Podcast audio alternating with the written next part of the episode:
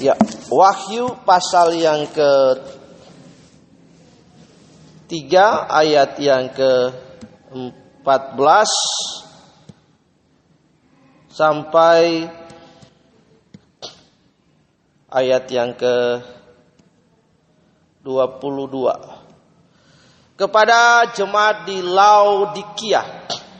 Dan tuliskanlah kepada malaikat jemaat di Laodikia inilah firman dari Amin saksi yang setia dan benar permulaan dari ciptaan Allah.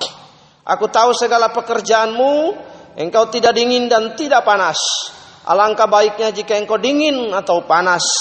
Jadi karena engkau suam-suam kuku dan tidak ingin tidak dingin atau panas, aku akan memuntahkan engkau dari mulutku. Karena engkau berkata aku kaya dan aku telah memperkayakan diriku dan aku tidak kekurangan apa-apa. Dan karena engkau tidak tahu bahwa engkau melarat, malang, miskin, buta dan telanjang. Maka aku menasihatkan engkau supaya engkau membeli daripadaku emas yang telah dimurnikan dalam api agar engkau menjadi kaya dan juga pakaian putih supaya engkau memakainya agar jangan kelihatan ketelanjanganmu yang memalukan dan lagi minyak untuk melumas matamu supaya engkau dapat melihat. Barang siapa ku kasihi ia ku tegur dan ku hajar. Sebab itu relakanlah hatimu dan bertobatlah. Lihat aku berdiri di muka pintu dan mengetok. Jika ada orang yang mendengarkan suaraku dan membukakan pintu, aku akan masuk mendapatkannya dan aku akan makan bersama-sama dengan dia dan ia bersama-sama dengan aku. Barang siapa menang, ia akan kududukan bersama-sama dengan aku di atas tahtaku. Sebagaimana aku pun telah menang dan duduk bersama-sama dengan Bapakku di atas tahtanya. Nanti khotbah ini jadi khotbah berseri. Tapi kita mau bahas dulu dua ayat dari atas dari ayat yang ke-14 sampai ayat yang ke-16. Bapak Ibu anak-anak yang dikasih oleh Tuhan Yesus, firman Tuhan ini dibuka surat ini dibuka dengan kalimat yang luar biasa. Inilah firman dari saksi yang setia dan benar dan permulaan dari ciptaan Allah. Maksudnya apa? Dari iman, dari amin, saksi yang setia dan benar. Permulaan dari semua dari ciptaan Allah itu adalah berbicara tentang Yesus Kristus. Jadi pesan ini adalah pesan dari hati Yesus sebagai kepala gereja kepada jemaat di Laodikia. Permulaan inilah firman Allah, firman dari Amin, ya dan pasti sesuatu yang tidak meleset, saksi setia dari kehidupan ini dan benar. Allah Kristus yang benar dia berkata akulah jalan kebenaran dan hidup permulaan dari ciptaan Allah. Lihat the beginning of the creators of God. Tuhan Yesus eksistensi keberadaannya jauh sebelum manusia itu diciptakan. Hebat sekali. Jadi ini adalah surat pernyataan hati menampilkan isi hati Yesus sebagai pembentuk gereja, sebagai kepala gereja kepada orang-orang kepada jemaat di Laodikia. Surat ini menggambarkan perasaan Allah, isi hati Allah, kemauan sekaligus kerinduan, sekaligus ketidaksenangan atas gereja di Efesus. Nah, Bapak Ibu yang dikasihi oleh Tuhan, kita lihat ayat yang ke-15, di situ dikatakan bahwa aku tahu segala pekerjaanmu. Segala pekerjaanmu tidak disebutkan di situ pekerjaan yang uh, apa? Panas. Pekerjaan yang maksudnya pekerjaan yang rohani Bapak Ibu yang dikasih Tuhan. Tetapi di situ dikatakan bahwa peker, pekerjaan karena itu Bapak Ibu kalau kita membaca Kolose kemarin Kolose 23 Bapak Ibu akan menemukan di situ kata apa? Jika engkau melakukan segala sesuatu, lakukanlah untuk untuk Tuhan. Di situ dikatakan, di situ kata pekerjaan itu artinya ergon, bisnis. Lihat di situ employment. Any product, whatever anything accomplished by hand and industry. Segala sesuatu yang kita kerjakan, yang kita hasilkan dengan hidup kita. Action kita di dunia ini. Aku tahu segala pekerjaanmu. Tuhan mengetahui. Kolose 23 3 atau 23 menyetir ayat ini. Dia berbicara bagi kita bahwa pekerjaanmu apa saja yang kamu lakukan. Dengan pikiran kita, dengan hati kita, knowledge kita, apa pun. Tidak ada pekerjaan yang tidak penting bagi Allah. Semua pekerjaan pen, penting apa pun yang kau lakukan, apa pun, whatever you do. Apa pun yang engkau kerjakan, engkau lakukan, lakukan untuk Tuhan. Katakan amin. Berarti segala sesuatu, tidak saja hal rohani. Berarti Allah tidak Yesus Kristus kepala gereja yang menyampaikan perasaannya pada surat ini tidak memilah, tidak membuat pembedaan. Oh kalau yang ini rohani maka akan dinilai. Yang ini tidak rohani tidak masuk kategori. Yang dinilai Allah semua pekerjaan apa pun eksistensi kehidupan kita 24 jam 24 hour. Apa pun yang kita kerjakan. Hidup berbicara tentang kehidupan itulah sebabnya ada dua kalimat yang luar biasa, dua kata yang luar biasa yang menggambarkan metafora hidup itu. Yang pertama katakan dengan saya bios. Haleluya. Bios itu kehidupan yang kita hidup. Kita makan, kita minum. Secara lebih luas lagi manusia, keberadaan hidup manusia itu without God. Dia lahir, dia bertumbuh, dia besar, dia menempuh pendidikan, setelah mecur secara jasmani, umur cukup punya pekerjaan, maka dia be, bekerja. Dia bekerja kemudian dia me, menikah. Menikah kemudian meng, me, me, menghidupi hidup pernikahannya itu lalu kemudian punya keturunan dan lain. Jadi hidup itu bergulir begitu saja tapi tidak ada kehidupan yang menghasilkan buah. There's no Christ in his life. Tidak ada Yesus dalam kehidupannya. Itu yang dimaksud dengan bios. Seperti manusia jasmani. Penggambarannya kita bisa lihatlah Sodom dan Gomora. Mereka makan hidup, memuaskan dirinya, easy going dengan dunia ini. Yohanes pasal yang surat Yohanes pasal pertama ayat ke-15 bilang bahwa apa? Dunia ini sedang lenyap dengan keinginannya, desire, kerinduannya nanti kita akan menemukan di sini. Bapak Ibu, perhatikan di sini. Aku tahu segala pekerjaanmu. Kristus mengetahui pekerjaannya. Dia tuan, dia mengetahui pekerjaan manusia apa pun yang dikerjakan oleh gereja di Laodikia sebagai tuan sekaligus menggambarkan keilahiannya, kemahatauannya, kedivinitasannya atas keberadaannya, eksistensinya atas jemaat di Laodikia ini sungguh hebat. Luar biasa sekali. Aku tahu segala pekerjaanmu. Allah yang sadai itu dia watcher. Dia tahu keberadaan semua detail kehidupan manusia. Dia tahu semua. Tapi ada satu yang Allah sungguh tidak dapat bukan sungguh tidak dapat tapi dalam keterbatasannya dia mengizinkan dia sudah menciptakan sebuah tatanan dalam di hidup manusia yang namanya free will atau kehendak bebas.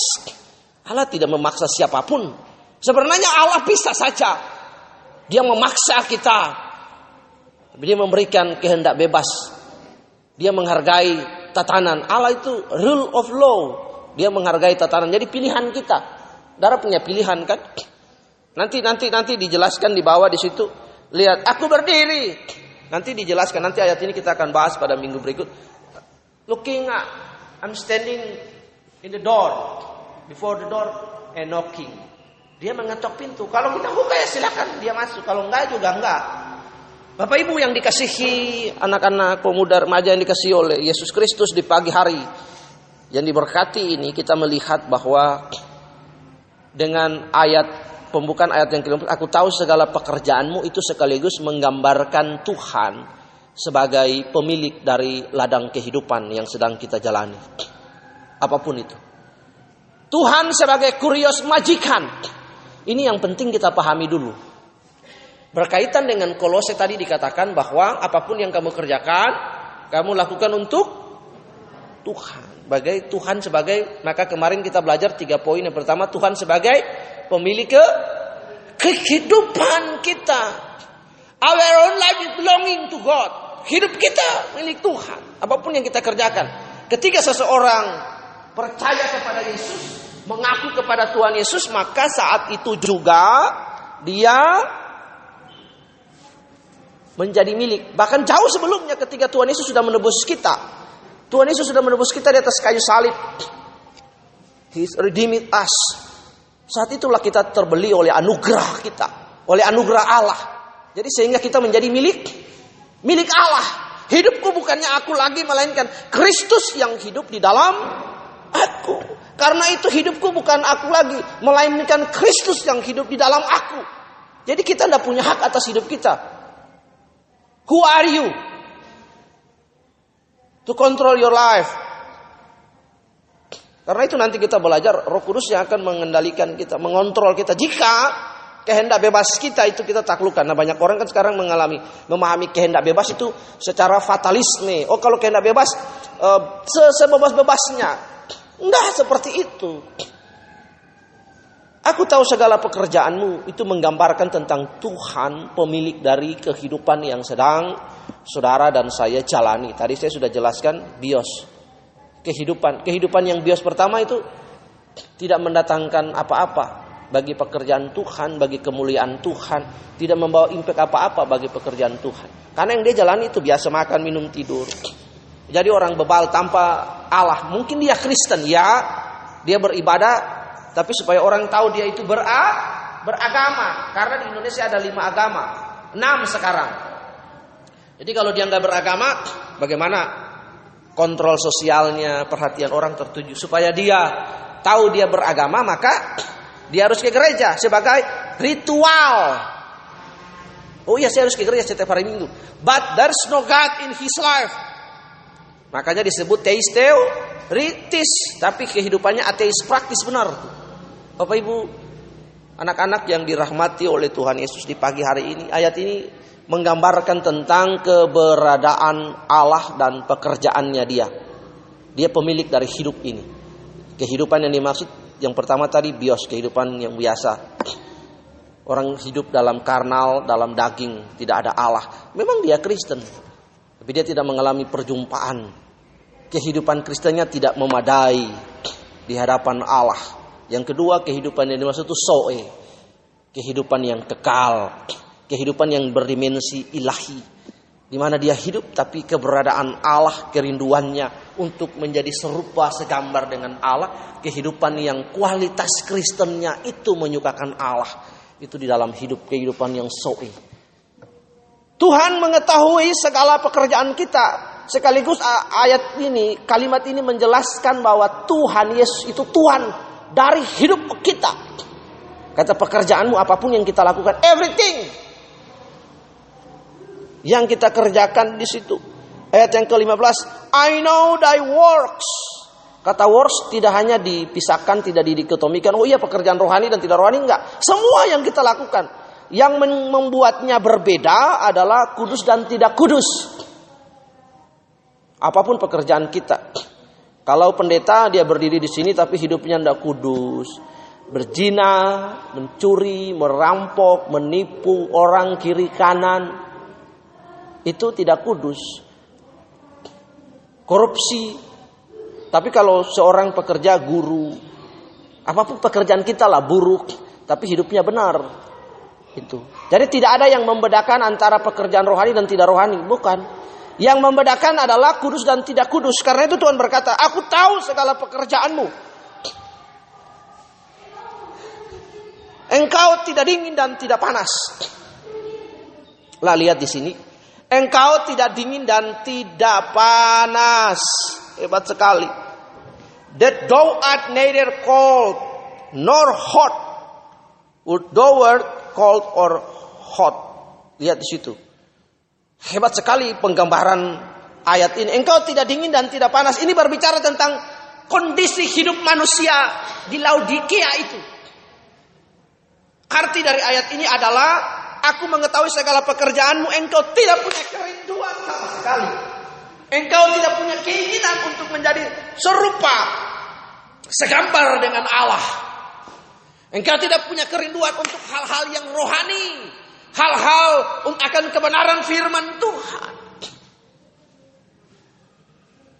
Bisa jadi lihat ini bentuk perasaan Yesus yang tadi di atas itu, bentuk perasaan hati, sikap hati yang keluar dari hati kepala gereja, dari firman, dari amin, dari saksi yang setia dan benar, dari permulaan ciptaan Kristus itu. Dia mengutarakan, Yesus mengutarakan isi hatinya dengan terbuka.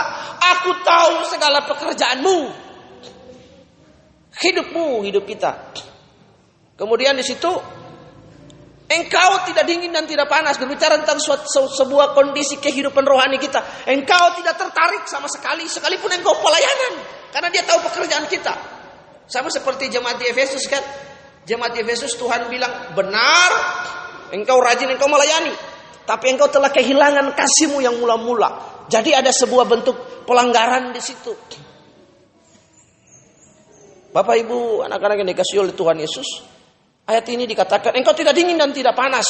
Sebuah perasaan dari Tuhan. Engkau tidak punya gairah.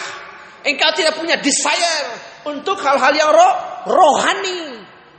Engkau tidak punya kerinduan. Nah kalau orang tidak punya kerinduan untuk hal-hal rohani mau jadi apa? Dia jalani hidup seperti biasa. Iya. Jalani hidup seperti biasa. Besok lakukan aktivitas seperti biasa. Tapi nggak ada Tuhan dalam hidupnya. Ini Tuhan kalau jujur, kalau mau jujur Tuhan menyampaikan rasanya, perasaannya bagi kita. Coba Bapak Ibu bayangkan Tuhan Yesus itu hadir pagi hari ini. Lalu Tuhan Yesus itu satu-satu bilang ke kita, aku kecewa dengan kamu. Tuhan sebenarnya nggak perlu kecewa, tapi saya meng menggambarkan ini supaya kita paham ya. Tuhan sebenarnya nggak perlu kecewa. Iya, dia Tuhan, dia Allah. Eksistensinya tidak terikat kepada manusia, ciptaannya dan lain sebagainya. Dirinya sendiri. Dia nggak perlu kecewa, dia nggak perlu marah. Dia bisa bikin hal yang lain, bisa menciptakan manusia dari batu atau dari apa aja bisa. Tapi pada konteks ini kita melihat bahwa dia menampilkan firman dari Amin, saksi dari setia dan benar, permulaan dari ciptaan Allah Kristus itu menampilkan sosok pribadinya. Dia tidak setuju sebuah sikap hati yang paling dalam, erangan yang paling dalam. Dia bilang, aku tahu pekerjaanmu, engkau tidak panas. Artinya bahwa kita tidak punya gairah jemaat dia tidak punya gairah untuk mengerjakan hal-hal yang rohani.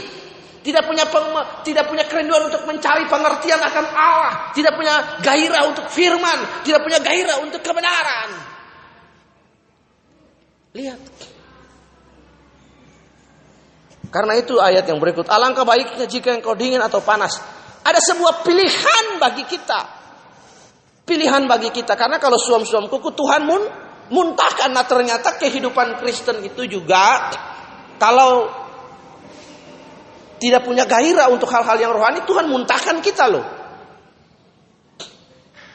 Muntah, saudara udah pernah lihat orang muntah kan? Muntah, jijik sekali dengan muntah. Jadi Tuhan mengutarakan perasaannya dia di situ. Jadi alangkah baiknya pilihan. Ini juga pilihan kalau engkau mau panas, kalau engkau mau bergairah, ayo bergairahlah bagi Allah. Gairahkan hal-hal yang rohani. Untuk menjadi serupa segambar dengan Tuhan. Supaya kita dikembalikan kepada rancangan se semula. Kalau engkau tidak punya gairah juga enggak. Artinya jangan suam-suam kuku. There's tidak ada garis abu-abu. There's a gray area in our life. Tidak ada area abu-abu black or white. Pilih. Hanya dua pilihan. Kiri kanan. Benar salah. Atas bawah. Cuma dua pilihan. Follow Christ or follow diabolos. Follow Lucifer. Dua pilihan itu. Hanya itu pilihannya, tidak ada pilihan yang lain lagi. Dua pilihan. Hanya ada dua majikan. There's two subject, two master. Darah mau Yesus atau setan, surga atau neraka itu pilihan. Tuhan menganjurkan kita nggak ada suam-suam kuku.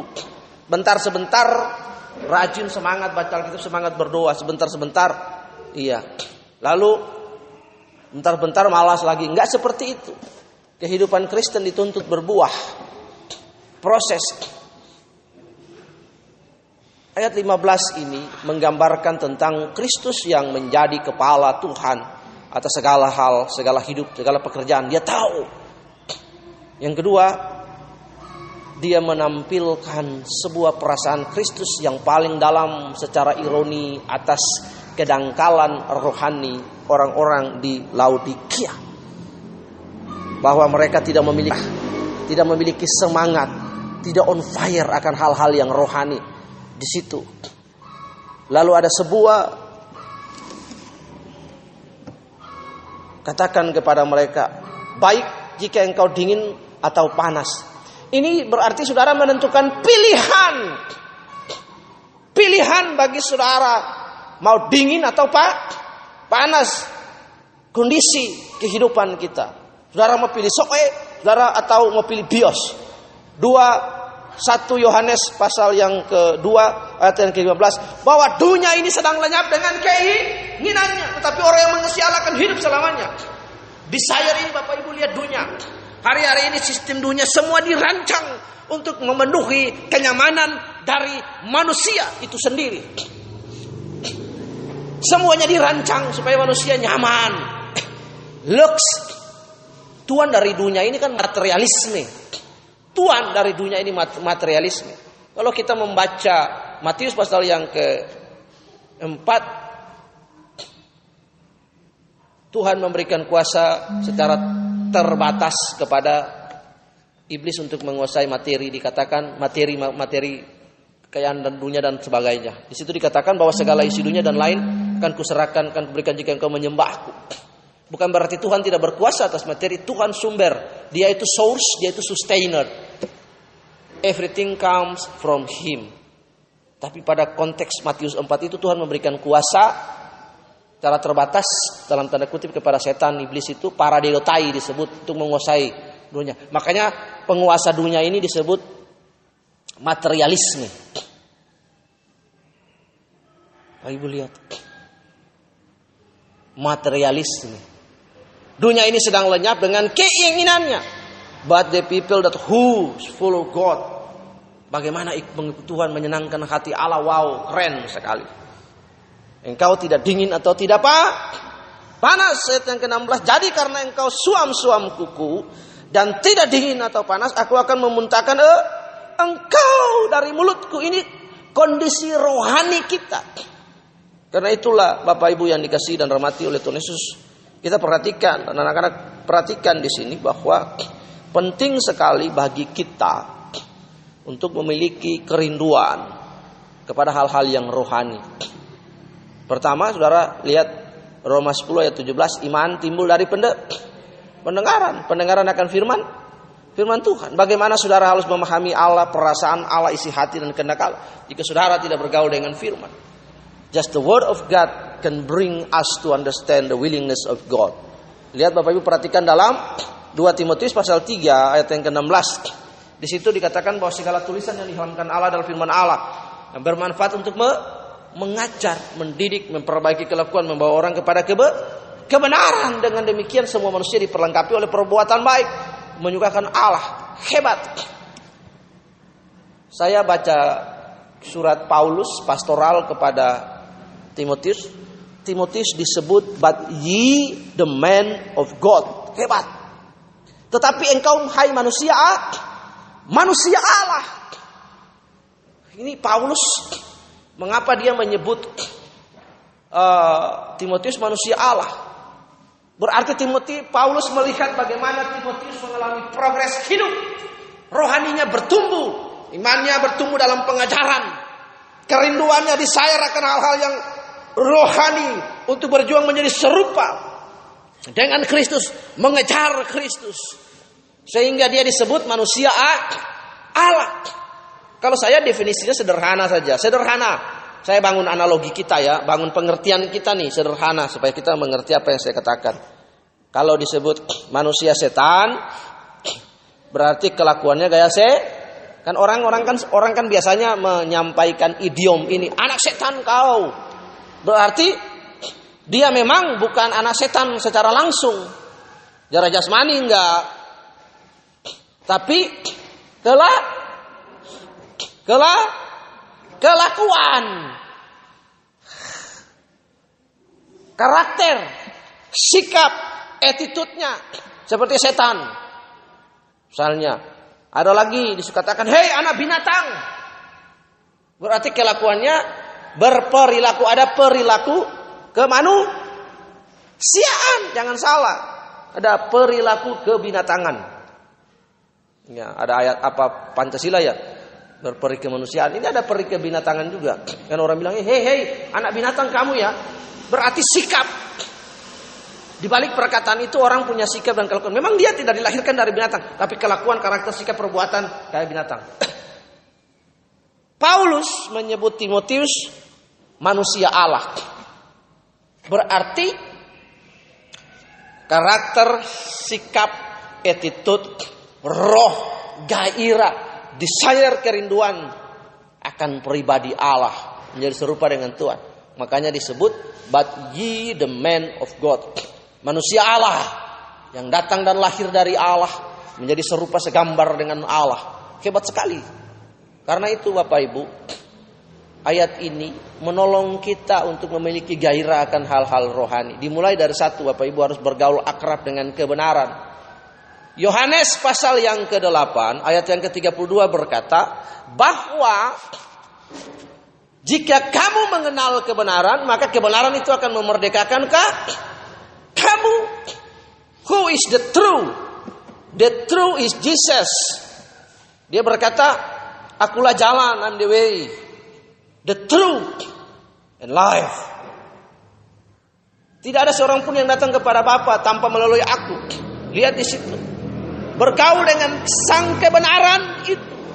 Maka kita akan dimerdekakan. If you know about the truth, the truth shall make you free. Paulus berdoa kepada orang-orang di Efesus. Efesus pasal 1 ayat yang ke-15 saya berdoa supaya Allah memberikan kepada kamu roh pewahyuan, roh hikmat untuk mengenal Allah dengan be mengenal Allah dengan benar. Bapak Ibu yang dirahmati oleh Tuhan Yesus untuk mengenal Allah dengan benar. Ini harus menjadi gairah kita, harus menjadi ke, kerinduan kita. Bagaimana memulainya? Saudara harus benar-benar membenamkan diri kepada kebenaran ini. Karena hanya kebenaran yang memerdekakan kita. Tidak ada yang lain. Baca Alkitab, doa tiap hari kalau mau tumbuh. Kalau mau tumbuh, kalau mau tumbuh sama-sama baca Alkitab, doa tiap hari kalau mau tumbuh. Kita dimerdekakan oleh kebenaran, dibersihkan oleh firman itu. Sehingga premis kita akan selaras sejalan dengan firman. Kerinduan kita, ketertarikan kita, magnitude kita, proximity kita kepada Allah, tertarik kepada hal-hal yang rohani Bapak Ibu. Orang yang duniawi, orang yang duniawi ya, jasmani, duniawi, dia tidak akan mengalami perkara-perkara yang rohani karena penglihatan unsight sign-nya. Dia nggak bisa lihat hal-hal yang perkara-perkara yang rohani. Bagaimana dia melihat perkara rohani? Orang bergaul baca Alkitab, ikut ibadah aja enggak. Enggak mungkin. Hati nuraninya nggak akan dirubah oleh Tuhan. Tapi kalau dia menamkan diri dalam kebenaran, firman dia bergaul dengan firman. Firman itu isi hati Allah, perasaan Allah, sehingga akan mengerti keinginan-keinginan Allah sehingga kita akan menjadi penurut-penurut firman. Nah, harus bergaul sehingga kita punya kerinduan akan hal-hal yang dalam. Inilah permasalahan jemaat di Laodikia juga jemaat pada zaman ini. Menjadi jemaat yang tahu hanya asal melayani, oh, udah melayani aja. Tapi bagaimana hakikat ibadah itu? Persekutuan dengan Allah. Karena itu semua orang bisa berdiri berkhotbah, nyanyi, melayani, main musik. Tapi belum tentu mereka menjadi punya hubungan yang intim dengan ba dengan Bapak. Mereka punya pergaulan yang intim dengan Bapak. Hanya gaya-gayaan di depan bisa nyanyi jingkrak-jingkrak, haleluya. Tapi belum tentu. Mendingan saudara nggak usah tampil-tampil di depan, tapi hidupnya luar biasa. Karena itu mari perlu bagi kita membenamkan diri dalam kebenaran, dalam Kristus. Kebenaran yang dimaksud itu bukan kebenaran teori retorika, tapi Kris, Kristus. Baca Alkitab. Kalau saudara mau bertumbuh, baca renungkan, baca renungkan. Roh Kudus akan menolong kita mengadvokasi kita. Perhatikan dalam Yohanes pasal yang ke-16 ayat yang ke-8. Jika Roh Kudus datang ia akan menginsafi dunia akan apa? Akan dosa, akan kebenaran dan akan penghakiman. Ini yang penting tiga poin ini. Akan kebenaran, akan dosa. Bahwa hamartia, bahwa manusia sudah mengalami penyimpangan, disappointed untuk taat kepada kehendak Allah, untuk menurut kepada kehendak Allah. Kesadaran menginsafi kita akan dosa itu bahwa dosa sin separate us from God. Dosa memisahkan kita dari Allah. Lihat. Tapi oleh karena kita mau menurut kepada Allah, kita menerima Tuhan menjadi juru selamat kita kan oleh penebusan Kristus diselamatkan we say by grace of God not works. Bapak Ibu, karena itu setelah kita menjadi murid disciples dari kebenaran itu kita ikut mengikuti dia kita dimerdekakan kita menjadi serupa dengan Tuhan. Nah, hebat enggak itu? Hebat. Mari kita belajar supaya kita menjadi se serupa dengan Tuhan, dibenamkan dalam kebenaran, kebenaran Yesus. Yesus itu adalah sebuah pribadi. Kebenaran itu kebenaran yang personal, yang pribadi, hidup pula keintiman. Wow, ini yang disebut organisme ilahi, divine. Kalau kita membenamkan diri dalam firman, maka remato Kristo, firman Kristus yang dimaksud Roma 10:17 itu firman. Remato Kristo. Bapak Ibu, mari ini gejala di jemaat di jemaat di Laodikia banyak ini yang kita temui. Tidak ada gairah sekali akan hal-hal yang rohani. Suam-suam kuku, doa melempem semua hidup wah. Nah. Tapi harus ada gairah dari kita untuk mengejar hal-hal yang roh rohani. Ada lagu dari si siapa itu? Si Timohede kan? Mengejar hadirmu. Nyanyi. Di dalam hidupku memandang wajahmu mengikuti rekanmu mengejar hadirmu di dalam hidupku dekat padamu itu rinduku.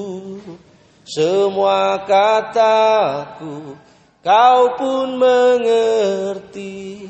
Tak ku sangka ku temukan Satu kasih yang abadi Kini ku datang dan ku bawa hidupku Hebat kan? Hebat Karena itu mari Bapak Ibu, anak-anak yang dirahmati oleh Tuhan Yesus, kita memiliki gairah. Spirit roh dari dunia ini akan bertentangan sekali. Kita melihat di akhir-akhir kita. Dunia menawarkan berbagai hal. Mempromosikan berbagai hal. Di internet. Mereka mempromosikan berbagai hal. Berbagai pleasure. Pleasure kesenangan yang ditawarkan. Iya, saya ngebayangkan 5 sampai 20 tahun akan datang itu orang sudah telanjang di daerah Kute sana atau hal-hal di YouTube sekarang. Iya. Sekarang orang perempuan berjalan ke mana-mana kasih tunjuk. Tombong di depan ini udel itu udah biasa. Sampai pakai baju sampai sini. Pakai baju sampai sini. Iya kan? Pakai baju sampai di sini gitu. Iya, ininya keluar. Bukan saya jelalatan ya, enggak. Cuma tinggal itunya aja tuh putingnya aja. Iya, ini ngomong fakta apa adanya. Iya, orang sudah pakai celana, saudara bisa lihat sudah sampai di sini nih ya. Nah, anak-anak muda sampai di sini. Ini jalan, duduk. Iya. Orang tidak lagi punya rasa moral, rasa malu. Iya. Sampai nenek-nenek tua juga sudah keriput itu kalau kulitnya ditiup angin terbang. Iya, pakai apa? Hot pan. Lihat, dunia sudah tidak punya mau morality akan standar akan keberadaan dirinya. Wanita diekspos sedemikian rupa. Itu itu gairah dunia Bapak Ibu. Tapi gairah kita adalah kita menjadi berbe berbeda. Kristen berbeda. Kemarin kita udah pernah belajar bahwa kehidupan kita itu anoma, anomali. Sesuatu yang berbeda, yang bertentangan. Sesuatu yang melawan arus. Iya. Kalau orang melakukan sesuatu yang mengikuti dunia, nah kita berbeda. Kita opposite. Kita different. Kita punya orang-orang punya gairah akan dunia. Kita punya gairah akan hal-hal yang panas. Fire. Eisa, api itu. Eis, kata Eis itu api. Laki-laki itu dikasih nama dalam hidup kita. Kata laki-laki pria itu la- laki-laki atau pria itu ada kata Allah dalam hidup kita dan api fire dari kata Eis itu api. Ketika dia menikah dengan perempuan, perempuan dikasih nama wanita itu ada kalimat kata Eisa dari tiga kata Ibrani. Eisa itu api. Laki-laki juga api. Jadi api sama api itu ketemu fire fire ketemu jadi flame fire of God api. Ketika ada api asing masuk di antara hidup mereka, wah itu rusak. Gairah kita akan hal-hal yang roh rohani. Opposite with the world. Beda dengan dunia. Saudara kalau lihat di Kute sekarang orang jalan pepaya itu tergantung tuh enggak. No problem. Daerah satu lingkar itu. Orang sudah duduk cium-ciuman, enggak masalah. Anak-anak SMP itu malam waktu kita penjangkauan di sana itu asli. Di Kuta itu Kuta Biswalk itu ada striptis orang tali tari telanjang. Iya, itu tim tim yang lain itu mereka menjangkau anak-anak muda SMP, SMA yang putus sekolah kemudian dibawa ke situ dikasih cat cat cat ini, lalu dikasih eh, celana dalam saja sama ini, ini tutup lalu mereka ada tiang satu mereka menari. Seperti itu. Asli. Bapak Ibu lihat dunia ini sementara berubah menuju kebinasaannya. Lihat dunia sedang le, sedang lenyap kata lenyap dunia tenggelam ke dalam desire passionnya mereka tapi passion yang salah. Tapi kalau kita melakukan kehendak Allah, wow, luar biasa. Bapak Ibu perhatikan di sini. Alangkah baiknya jika engkau dingin atau panas karena engkau sum-sum kuku, aku tidak dingin tidak panas, aku memuntahkan engkau dari mulutku. Kalau dingin masih bisa dipanasin lah. Masih bisa dibakar. Kita bisa bakar panas. Kalau dia sudah panas, tambah panas lagi. Flame, menyala, menjalar. Makanya ada GBI itu lucu namanya. Gereja GBI api menjalar. Sudah pasti api itu menjalar kalau panas. Iya, ini GBI nama GBI api menjalar. Waduh. Untung nggak ditambah aja, dibawa GBI api menjalar kan? Jemaatnya, jemaat GBI ubi jalar. Ya, jadi dibakar, ubi bakar. Lihat perhatikan. Hebat. Flame api. Aku akan memuntahkan engkau darimu mulutku. Sebuah tindakan Tuhan memuntahkan kita. Tuhan akan memuntahkan kehidupan. Kalau kehidupanmu tidak menghasilkan sesuatu yang soe, bios. Tuhan muntahkan kita benar-benar spirit out of his mouth. Benar-benar loh. Nanti kita akan bahas juga secara detail. Tapi secara umum apa itu bagaimana dimuntahkan dari mulut itu bagaimana. Tapi hari ini secara umum kita belajar dulu. Bahwa ternyata kehidupan seseorang bisa tidak menyenangkan dan tidak menyukakan ah, Allah.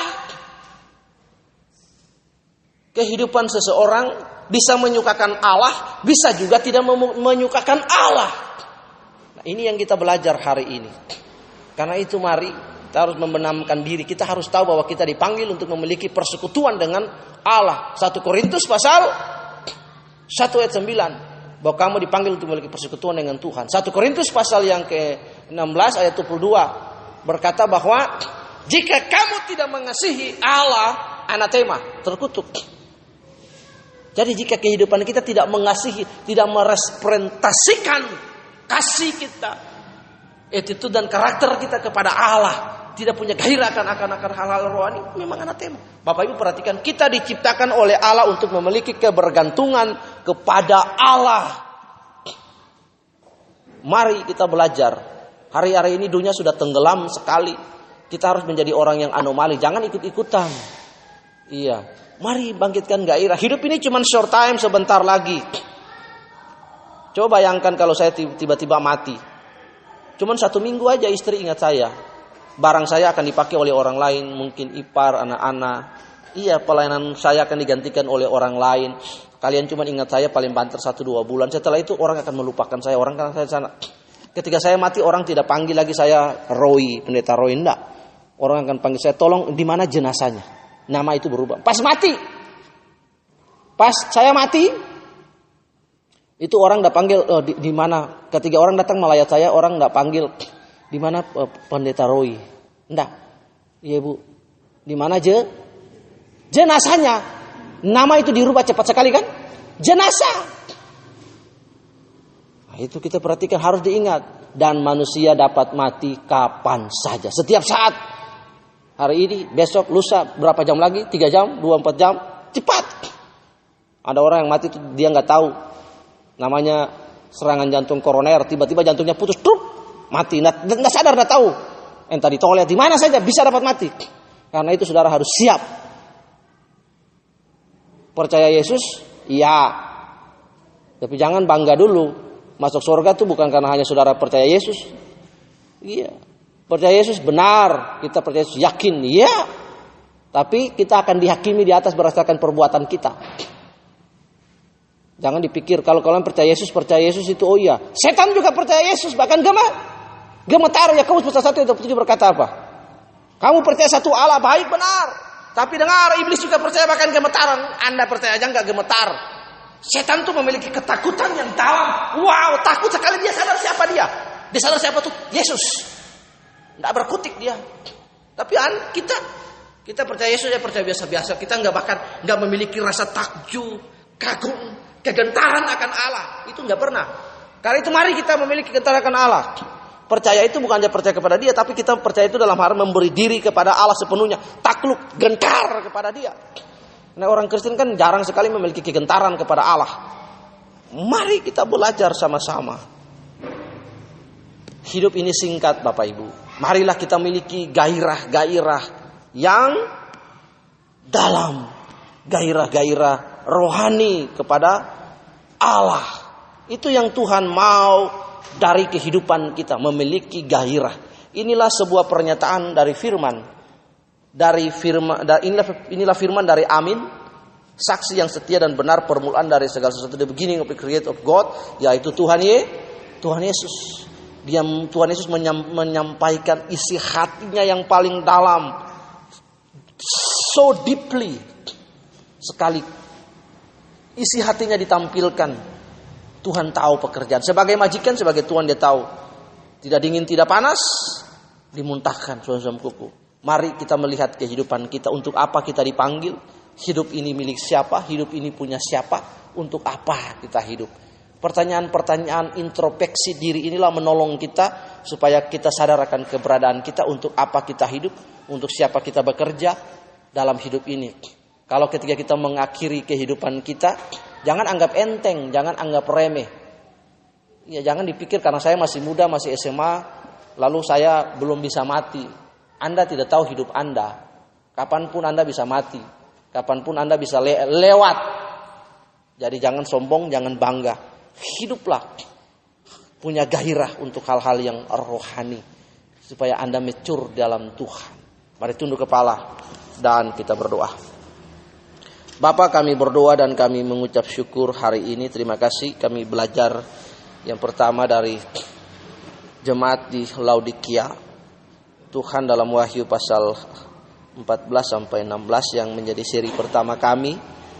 Kami akan mau belajar dan melihat teladan dan contoh yang sudah ada dalam firman yaitu tentang kehidupan jemaat di Galatia. Mereka sama sekali tidak memiliki gairah akan hal-hal yang rohani, kerinduan untuk terus berjuang menjadi serupa dengan Tuhan Yesus.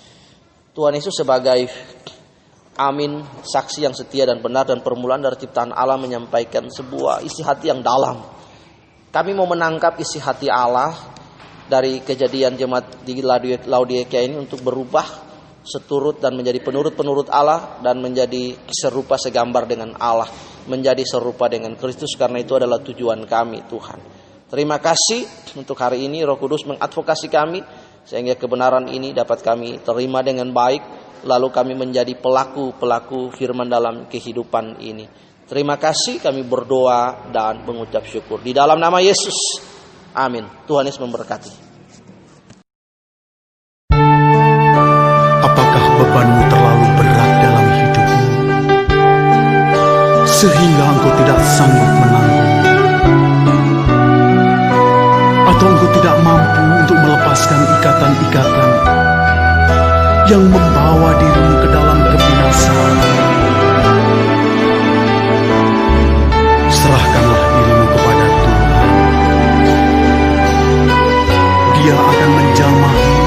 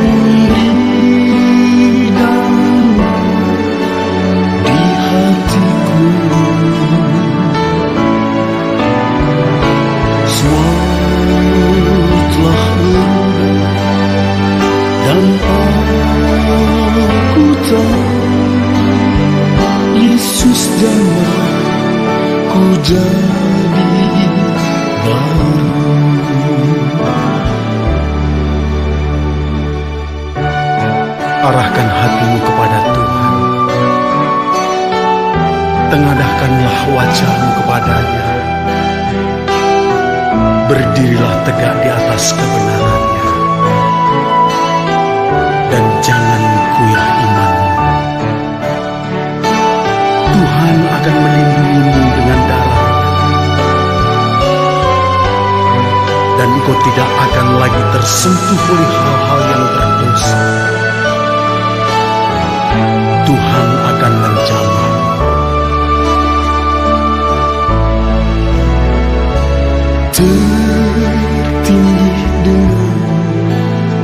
Kapan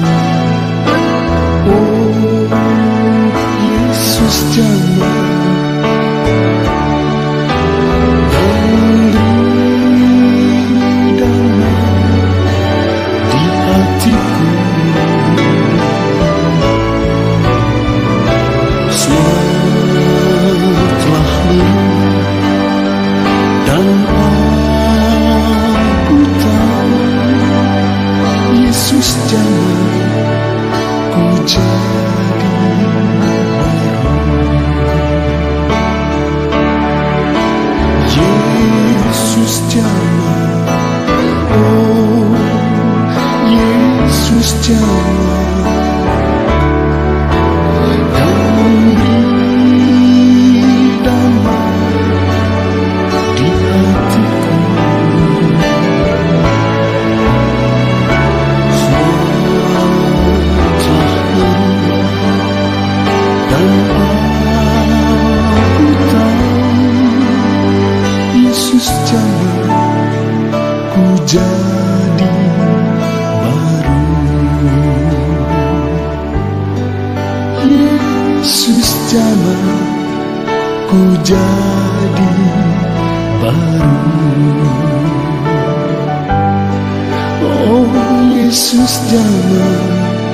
ku jadi